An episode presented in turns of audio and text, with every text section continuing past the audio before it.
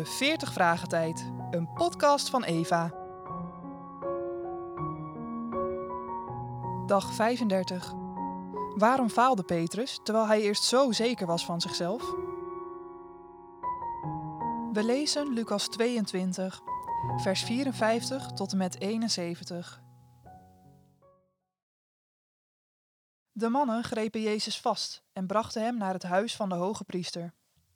Petrus liep op een afstand achter hen aan. Toen maakten de mannen een vuur op de binnenplaats van het huis en gingen er omheen zitten. Petrus ging bij hen zitten. Een meisje dat daar werkte zag Petrus bij het vuur zitten. Ze keek hem aan en zei: Die man was ook bij Jezus. Maar Petrus zei: Mens, ik ken hem niet eens. Even later zei iemand anders tegen Petrus: Jij hoort ook bij Jezus. Maar Petrus antwoordde: Dat is niet waar. Een uur later zei iemand anders weer: Ik weet heel zeker dat jij bij Jezus hoort, want je komt duidelijk uit Galilea, net zoals hij. Maar Petrus zei: Man, ik heb geen idee waar je het over hebt. Terwijl Petrus nog aan het praten was, kraaide er een haan. De Heer draaide zich om en keek Petrus aan. En Petrus dacht terug aan wat de Heer tegen hem had gezegd. Je zult drie keer zeggen dat je mij niet kent. Dat zal vannacht gebeuren nog voordat de haan kraait. Toen liep Petrus weg en hij huilde.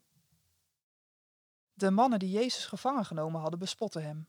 Ze deden hem een blinddoek om en sloegen hem. Ze zeiden: Hé hey, profeet, zeg eens wie dat deed. En ze beledigden hem nog op veel meer manieren. De volgende ochtend kwamen de leiders van het volk, de priesters en de wetsleraar bij elkaar. Jezus werd bij hen gebracht.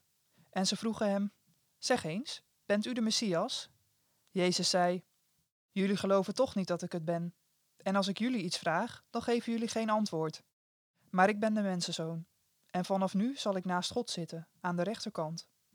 Toen zeiden ze allemaal: U bent dus de zoon van God? Jezus zei: Jullie zeggen zelf dat ik het ben.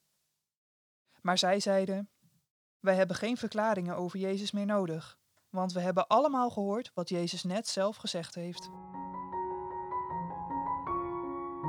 Waarom faalde Petrus terwijl hij eerst zo zeker was van zichzelf?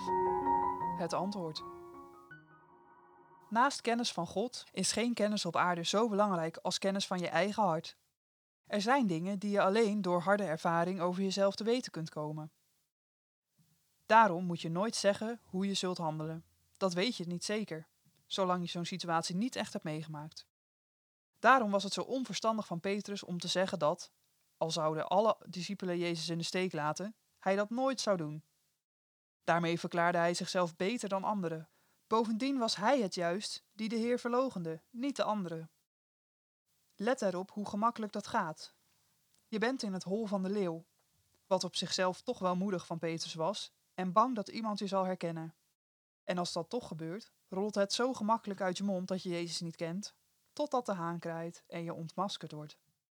Intussen denk je dat Jezus zijn handen vol heeft aan zijn eigen droevige situatie. Maar nee, als de haan kraait, draait Jezus zich om en kijkt Petrus aan. Die blik zal hem wel door merg en been zijn gegaan. Hij gaat naar buiten en huilt bittere tranen. Nooit zal hij zo ontmoedigd zijn geweest als op dat moment. Des te mooier is het dat Jezus na zijn opstanding juist deze discipel als een van de eerste opgezocht heeft. Intussen wordt Jezus gekweld door zijn vijanden, die hem bespotten en slaan. S'morgens vroeg wordt de Joodse raad bijeengeroepen, waar Jezus twee vragen moet beantwoorden. De eerste vraag is: Bent u de Christus? Dat betekent: Beweert u de zoon van David, de gezalfde koning van Israël te zijn? Jezus lijkt de vraag te ontwijken, maar door zijn verwijzing naar Daniel 7, vers 13 over de zoon des mensen en Psalm 110, vers 1 over het zitten aan Gods rechterhand, beantwoordt hij indirect de vraag wel degelijk bevestigend. Hij zegt daarmee zelfs dat hij als Messias niet alleen zal zitten op de troon van David in Jeruzalem, maar zelfs ter rechterzijde van God in de hemel. Geen wonder dat hij ook nog een tweede vraag krijgt. Bent u dan ook de zoon van God? Als Jezus ook die vraag bevestigend beantwoordt, is wat zijn rechters betreft zijn lot bezegeld. Wie zulke dingen van zichzelf beweert, is immers de grootste godslasteraar. Of zo iemand spreekt de volle waarheid, maar die mogelijkheid komt bij de rechters niet op. Het ontbreekt hun blijkbaar ook aan alle zelfkennis. Jezus is juist degene die wel zelfkennis heeft en kennis van de Vader.